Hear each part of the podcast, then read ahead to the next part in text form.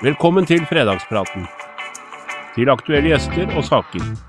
Om norsk arbeids- og samfunnsliv. Hver uke, hver fredag. Fra arbeidstakerorganisasjonen Delta.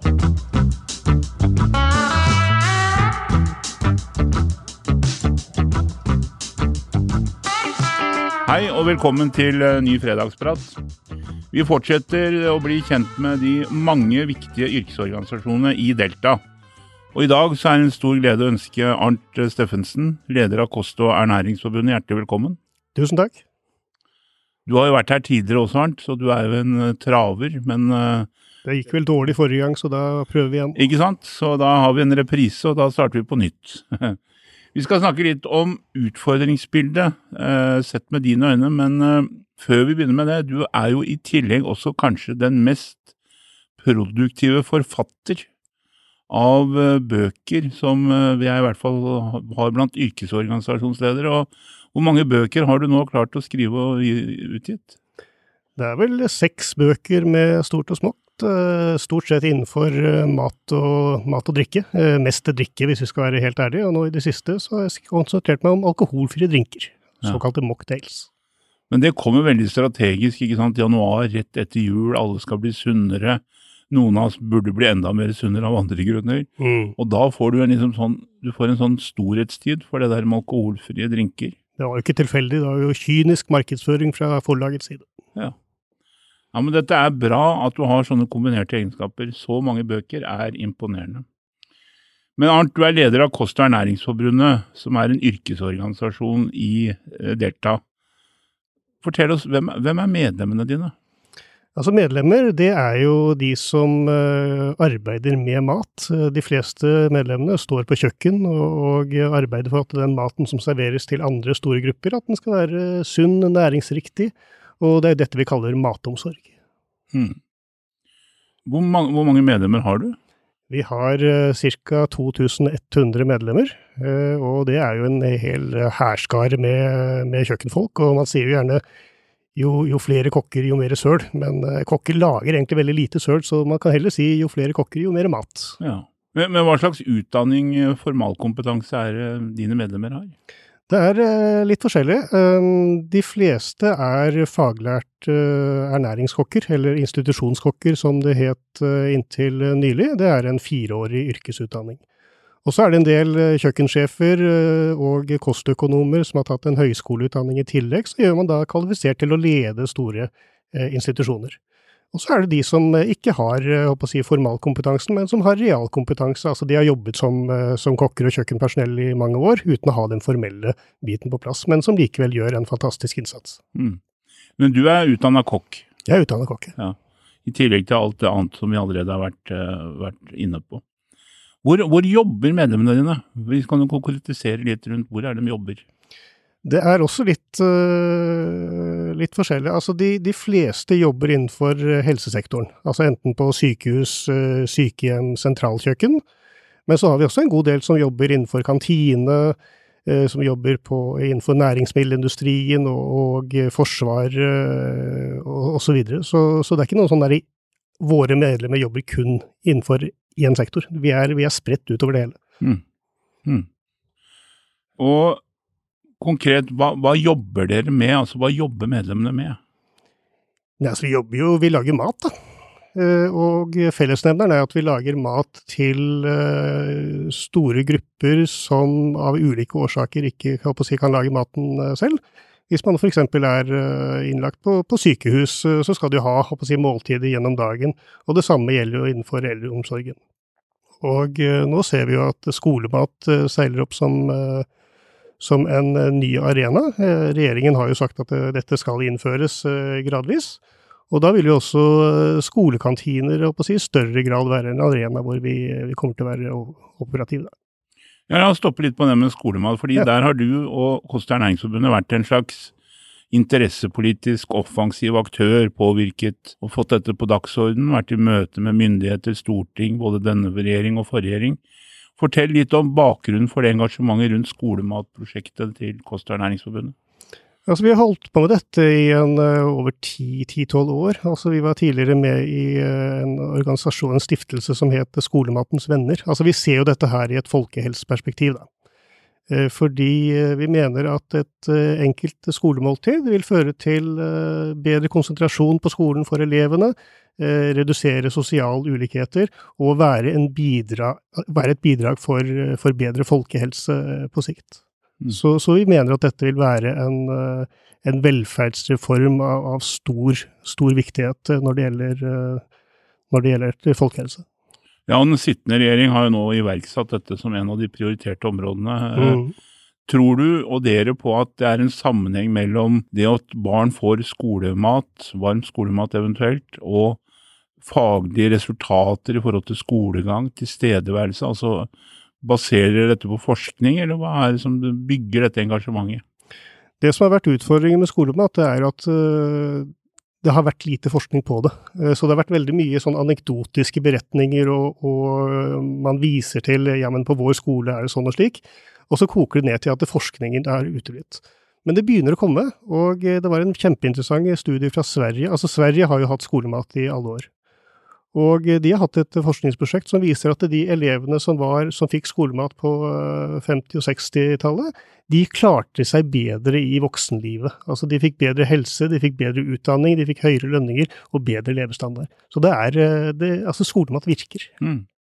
Dere er også engasjert i forhold til uh, matomsorg i forhold til eldre, sykehjem, pleietrengende. Mm. Uh, fortell litt om det engasjementet og hvilken alliansepartner dere hadde der. Mat innenfor eldreomsorgen det, jo, det griper jo liksom rett inn i, uh, i Kost- og ernæringsforbundets uh, si, virksomhet. Altså dette er, uh, dette er, kanskje det viktigste temaet vi arbeider for. Og litt av utfordringen er jo at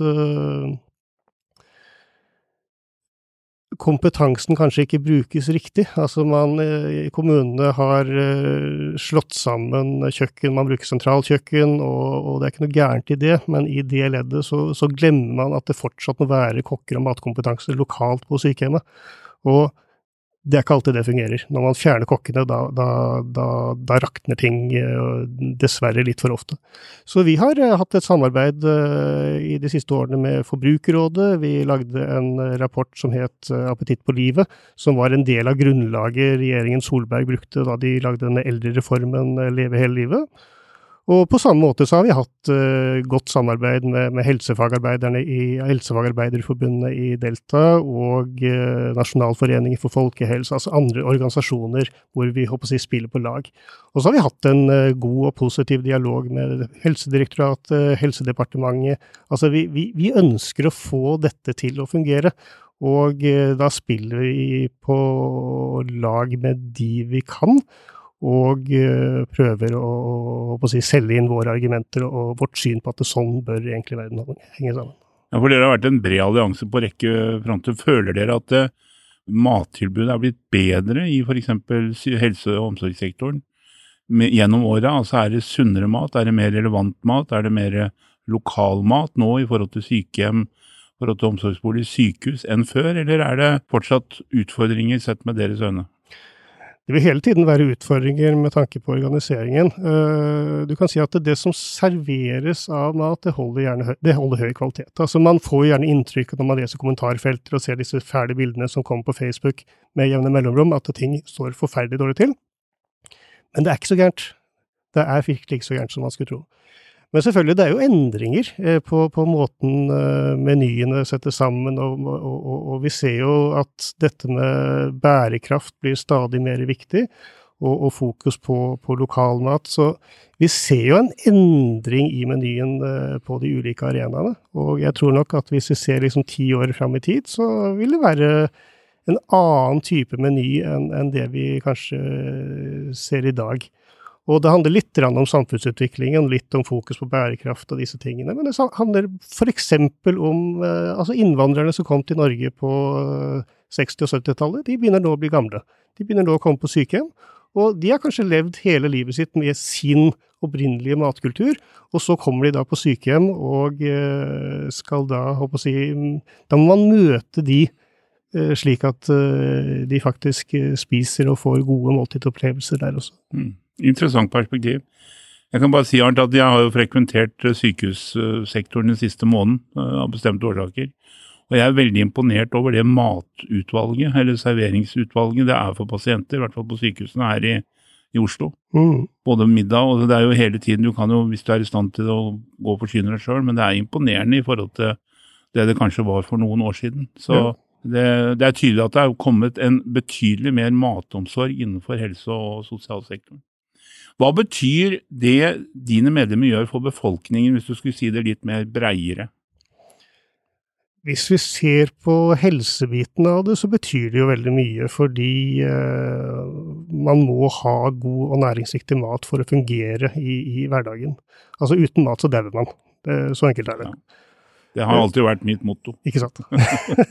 og det Men- har funka så langt. da. Men jeg er, litt, jeg er litt opptatt av et annet aspekt av det, som man kanskje ikke tenker så veldig mye på. Altså, vi snakker jo veldig mye om å ta vare på den norske matkulturen og mattradisjoner osv., og, så og så kommer det merkedager opp under jul hvor man liksom tar et krafttak og, og skal lage disse tingene. Kokkene som jobber på institusjoner, altså de gjør dette hver eneste dag. Det er tradisjonsbærere. De lager denne tradisjonsmaten på jevnlig basis fordi vi mener at dette er viktig, dette er viktig å ta vare på. Og akkurat den biten der som handler om eh, å ta vare på, på eh, matkulturen og tradisjonene og, og den kunnskapen, den er kjempeviktig. Men opplever du at det er en endring i bevisstgjøringen rundt selve matkulturen ved at du har liksom veldig mange sterke aktører som nå ser ting i et økologisk perspektiv, at det skal være miljøvennlig mat, det skal være nærmat? Eh, Ser du muligheter at man kan gjøre tilpasninger i f.eks. Institusjons-Norge når det gjelder egenprodusert mat i nær samarbeid med bønder, altså nærområder? Altså dette som flere har tatt til orde for, er det en slags matrevolusjon i relasjon av det grønne skiftet?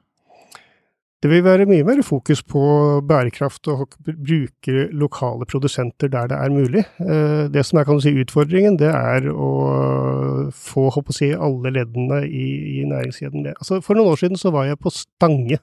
og besøkte sykehjem eh, oppe i Hedmarken. Og eh, altså, sykehjemmet ligger omgitt av potetåkre. Altså det er poteter på alle kanter. Dette er jo potetfylke framfor noen. Og der opplevde vi at øh, nei, altså de potetene som ble servert på sykehjemmet, det var liksom de kjipeste som kom da fra, fra industrien. Og så spurte liksom ja, men hvorfor, hvorfor serverer de ikke de potetene som ligger rundt, det er fantastiske produkter. Og da var liksom budskapet at øh, ja, men altså, kommunens rammeavtaler sier at øh, vi kan ikke kjøpe de. Så øh, det er liksom et stort bilde, og for å, å si, få til den, den effekten ved å bruke lokale produsenter, og, og, og da, må man, da må man ha kommunen på lag, og ikke minst så må liksom kjøkkenet og eh, den kompetansen brukes aktivt. Hver uke inviterer jeg, programleder og politisk rådgiver i Delta, Knut Roger Andersen, aktuelle gjester til å diskutere aktuelle saker i vårt studio. Men vi vil også ha med deg i diskusjonen om temaene som angår norske arbeidstakere til daglig.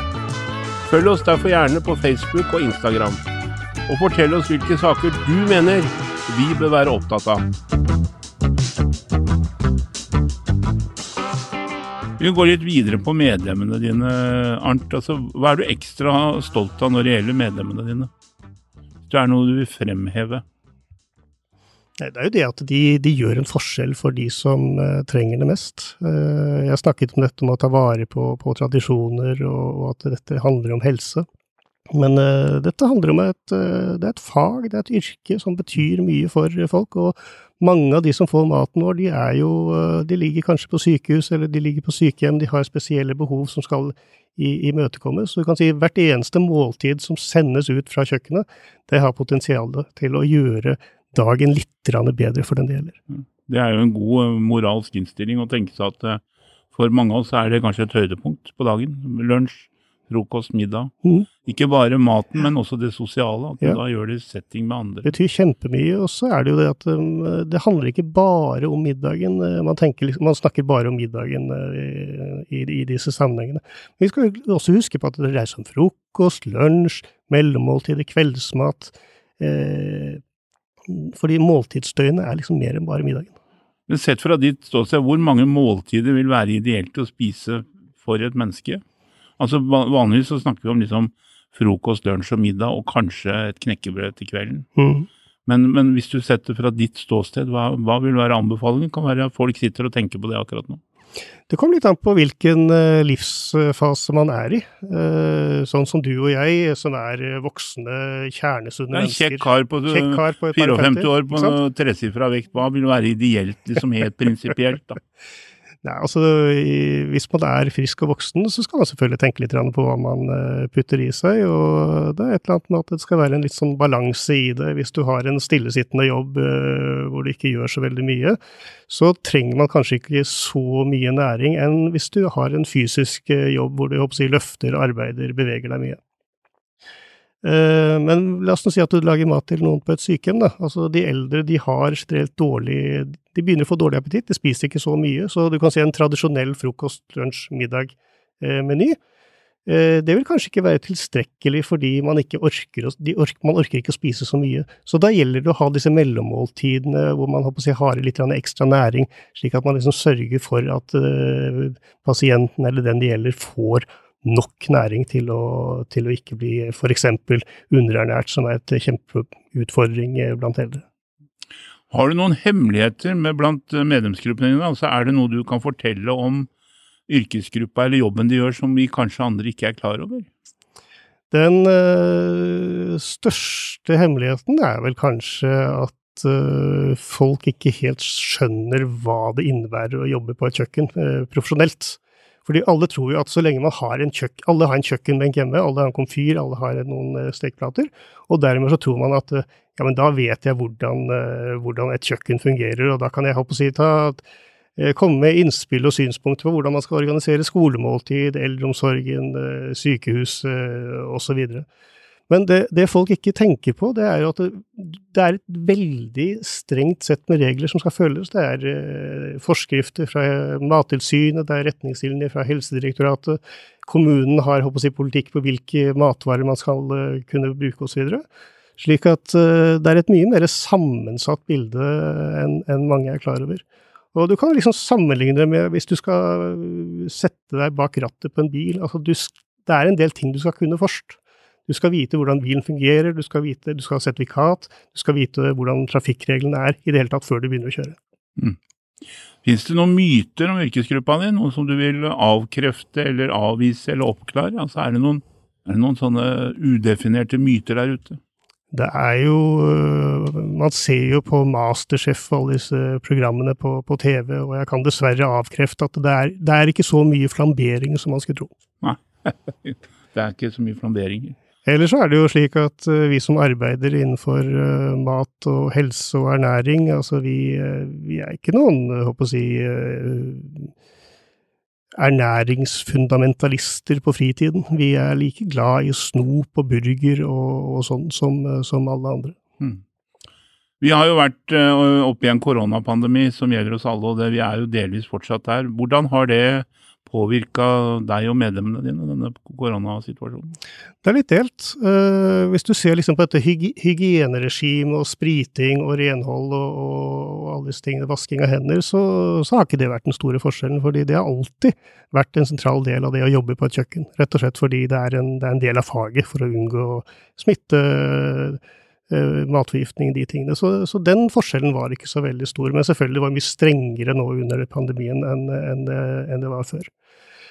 De som har jobbet innenfor kantine, har kanskje blitt eh, de har nok blitt berørt i, i, til en viss grad, rett og slett fordi mange kantiner har holdt stengt. Men de som, på, de som jobber på sykehus og sykehjem, de, de, har gått på jobb som vanlig, og det henger selvfølgelig sammen med at de som er på sykehjem og de som er på sykehus, de må ha mat. Mm. Og, og, det må bare løses. Men det, det, er jo interessant å tenke på når man ser på, på hotell- og restaurantnæringen, hvor eh, så å si alt ble stengt ned over natten. Da viste det seg at det sikre yrket som man trodde at kokkeyrket var, det var det kanskje ikke likevel. Og da er det jo interessant å tenke at offentlig sektor, å jobbe som kokk der, det er kanskje den sikreste veien av de alle. Mm. Er tilsynsordninger for offentlig kjøkken, sykehjem, institusjons osv. Er den tilsynsordningen for overhold av renhold, forskrifter, er den mye strengere enn f.eks. det du ser ved kontroll av vanlige restauranter, puber, barer? Det har jo vært mange skandaler ikke sant, hvor Mattilsynet har gått inn, mm. Veterinærtilsynet, Helsetilsynet har gått inn med kontroller, og så har de stengt restauranter på dagen. Men er tilsynsapparatet strengere i forhold til dine medlemmer som jobber innenfor institusjoner osv.? Det er jo det samme regelverket, og det er de samme kontrollørene. Men jeg tenker vel at i utgangspunktet så er man veldig oppmerksom på at når man jobber med mat til eldre, syke, svake grupper, da er det utrolig viktig å, å gjøre ting ordentlig, og ikke si, ta snarveier. Fordi en matforgiftning vil ha mye større konsekvenser på et sykehjem enn for friske mennesker ute på restaurant. Fordi, rett og slett fordi allmenntilstanden i utgangspunktet er, er, er skrøpelig. Så, så tilsynsordningen er nok den samme, eh, men eh, jeg har ikke noe grunnlag for å si at den er strengere hos oss enn andre. Men jeg tror nok at eh, selv Altså, man er mye mer oppmerksom på det innenfor uh, helsesektoren, rett og slett fordi konsekvensene for å ikke gjøre det blir så store. Mm. Samfunnet er jo i en veldig rivende utvikling. Det blir mer digitalisering, mer teknologisering. Er det fare for at matproduksjon, matomsorg, også kan bli digitalisert mer bort? At medlemmene dine mister jobber til fordel for digitale løsninger? Ser du noen sånne scenarioer rundt det?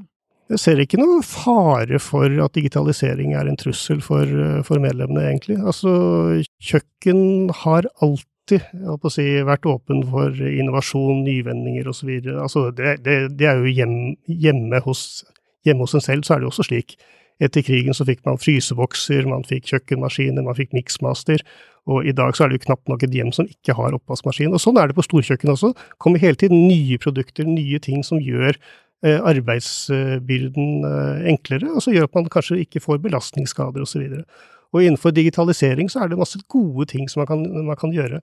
Altså, før så kunne du oppleve at du kom på jobb på mandag, og så har fryseren gått til helvete i løpet av eh, helga, og så må du kaste alt. I dag så kan du få beskjed på en app på mobiltelefonen at eh, ok, nå er det et eller annet gærent med fryseren eh, på, på jobben, og så kan du fikse opp i det løpet her ved å, ringe, ringe reparatør osv. Og, og på samme måte, når du skal si, porsjonsberegne, hvis du skal lage mat til 500 000 mennesker, Eh, så kan du plotte inn da i et eh, dataprogram liksom ok, vi skal lage den og den retten, vi skal servere den neste uke. Og så sier du greit, da trenger vi så og så mye av det, så og så mye av det, og så og så mye av det. Og så får du kanskje en liten varsellampe at ok, vi har faktisk ikke eh, mer av det og det krydderet på lager, så da må vi bestille opp igjen av det. Så, så, hverdagen blir enklere på en måte, og det ser jeg egentlig bare på som, som et gode. Mm. Og når det gjelder eh, om dette er en trussel for eh, medlemmene i form av Nja, altså problemet, problemet er egentlig at ikke nok folk vil bli kokker. Og da gjelder det å bruke de kokkene som er på en mest mulig fornuftig måte, og få hjelp av digitale løsninger fra næringsmiddelindustrien der det er, der det er fornuftig. Og, og, man skal bruke de fordi det er godt. Eh, altså, en løk blir ikke dårligere om den kommer ferdig hakka fra næringsmiddelindustrien, eller i stedet for at en kokk skal bruke tid på å skrelle og hakke der og da. Mm. Dere er jo opptatt i Koster Næringsforbundet med det yrkesutøverperspektivet. Mm. Uh, og det er jo det dere først og fremst ivaretar. Hva, hva, opplever du er på en måte medlemmene dine største yrkesfaglige utfordring for tiden? Den største utfordringen er at vi eh, ikke involveres i prosesser, eh, eller blir hørt i spørsmål som har med kjøkkenfaglige ting å gjøre. Altså det er vi som kan faget, og som vet hvordan, eh, hvordan ting må være i forhold til forskrifter, men også det praktiske arbeidet. Og det, det, det, blir jo, det blir jo litt spesielt når mennesker sitter på kontor og skal ta avgjørelser som handler om kjøkkenfag og, og, dette mennesket har kanskje aldri laget mat til mer enn fem personer i gangen, og har ikke peiling på hva dette handler om i, i det virkelige liv. Og, så, og, og da får man eh, merkelige løsninger hvor man si, administrerer kokkene bort fra sykehjem og tror at alt skal fungere bra, og planlegger bygging av nye, store sykehus hvor det ikke skal være produksjonskjøkken. Det mm. blir, eh, det blir litt rart. Opplever du at det, det, jobber dere med å være pressfaktor om å bli sterkere involvert tatt med i disse prosessene? Vi arbeider for det hele tiden. Eh, det tror jeg eh, det blir, det blir uh, viktig. Altså, nå, nå, hørte jeg i går at nye Aker sykehus planlegges uten kjøkken. Ja. Og en av våre medlemmer sitter i en brukergruppe der, men liksom, opplever at det ikke blir hørt. Så nå prøver vi liksom å spille ballen via Delta, altså konserntillitsvalgt i Helse Sør-Øst. Høre liksom hva er det egentlig som skjer der. Så, og, så jeg tenker at det, det er f.eks. en ting vi kommer til å, å presse litt på. Mm. Det kan jo være noen som hører på denne podkasten eller ser denne sendingen, Arnt, som jobber innenfor den bransjen din, den som ikke er fagorganisert. Ja. Hvorfor bør man melde seg inn i Kost og Ernæringsforbundet og Delta hvis du jobber på kjøkken eller innenfor den bransjen du representerer? Ja, altså Man skal melde seg inn i Delta hvis man ønsker eh, trygghet eh, i, eh, i, som arbeidstaker, og vite at du har noen som arbeider for dine interesser og, og som å si, passer på deg hvis noe skulle skje. Og eh, hvis du da i tillegg er opptatt av eh, faget og yrket og måten samfunnet bruker eh, kompetansen din på, da burde du melde deg inn i Kost- og ernæringsforbundet, rett og slett fordi vi, dette, dette arbeider vi for. Mm. Vi er jo nå godt i gang med 2022. Hvilke planer er det Kost- og ernæringsforbundet har for dette året?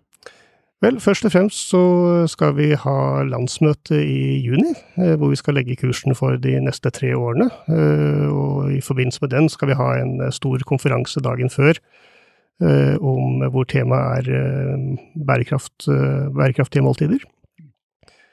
Og så skal vi jo si, prøve å finne litt tilbake til si, hverdagen. Møte medlemmene igjen. Jeg har knapt nok møtt et medlem på over to år. Jeg har ikke møtt styret mitt engang.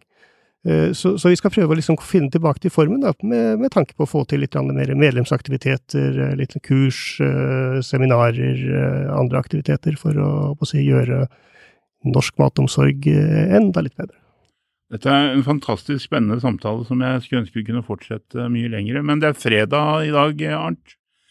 Flertallet av nordmenn kommer til i kveld rundt stuebordet foran TV-en å ha ikke norske tradisjonelle matretter som kjøttkaker og den type ting, men det er taco, det er tandoriretter. Mm. Matomsorgen på den private sfære har blitt mer global, ikke sant. Ja. Hva spiser Arnt Steffensen på fredagskvelden? Ha. Jeg var så heldig. Altså, jeg har, jeg har familie nordpå.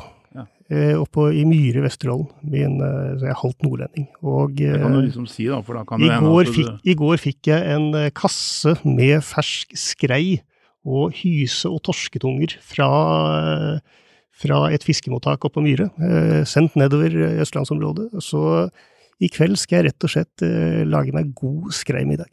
Ja. Og det er åpent hus, sånn at alle som ser og hører, kan bare komme. Ja. Veldig hyggelig, Arnt. Tusen hjertelig takk for en uh, veldig fin samtale. Veldig hyggelig å være her. Og så veldig... får du ha en riktig god helg, du også. Ja, og lykke til både med det arbeidet du gjør, og med landsmøtet og det som skjer framover. Og til deg som så på eller hørte på, hjertelig takk for at du tok deg tid. Ta vare på deg sjøl, ha en god helg, og så ses vi neste uke. Ha det bra. Takk for at du lyttet til Fredagspraten. Hvis du har lyst til å vite mer om Delta, så kan du besøke vår hjemmeside www.delta.no, eller også finne oss på sosiale medier. Du finner lenken i episodebeskrivelsen. God fredag og god helg!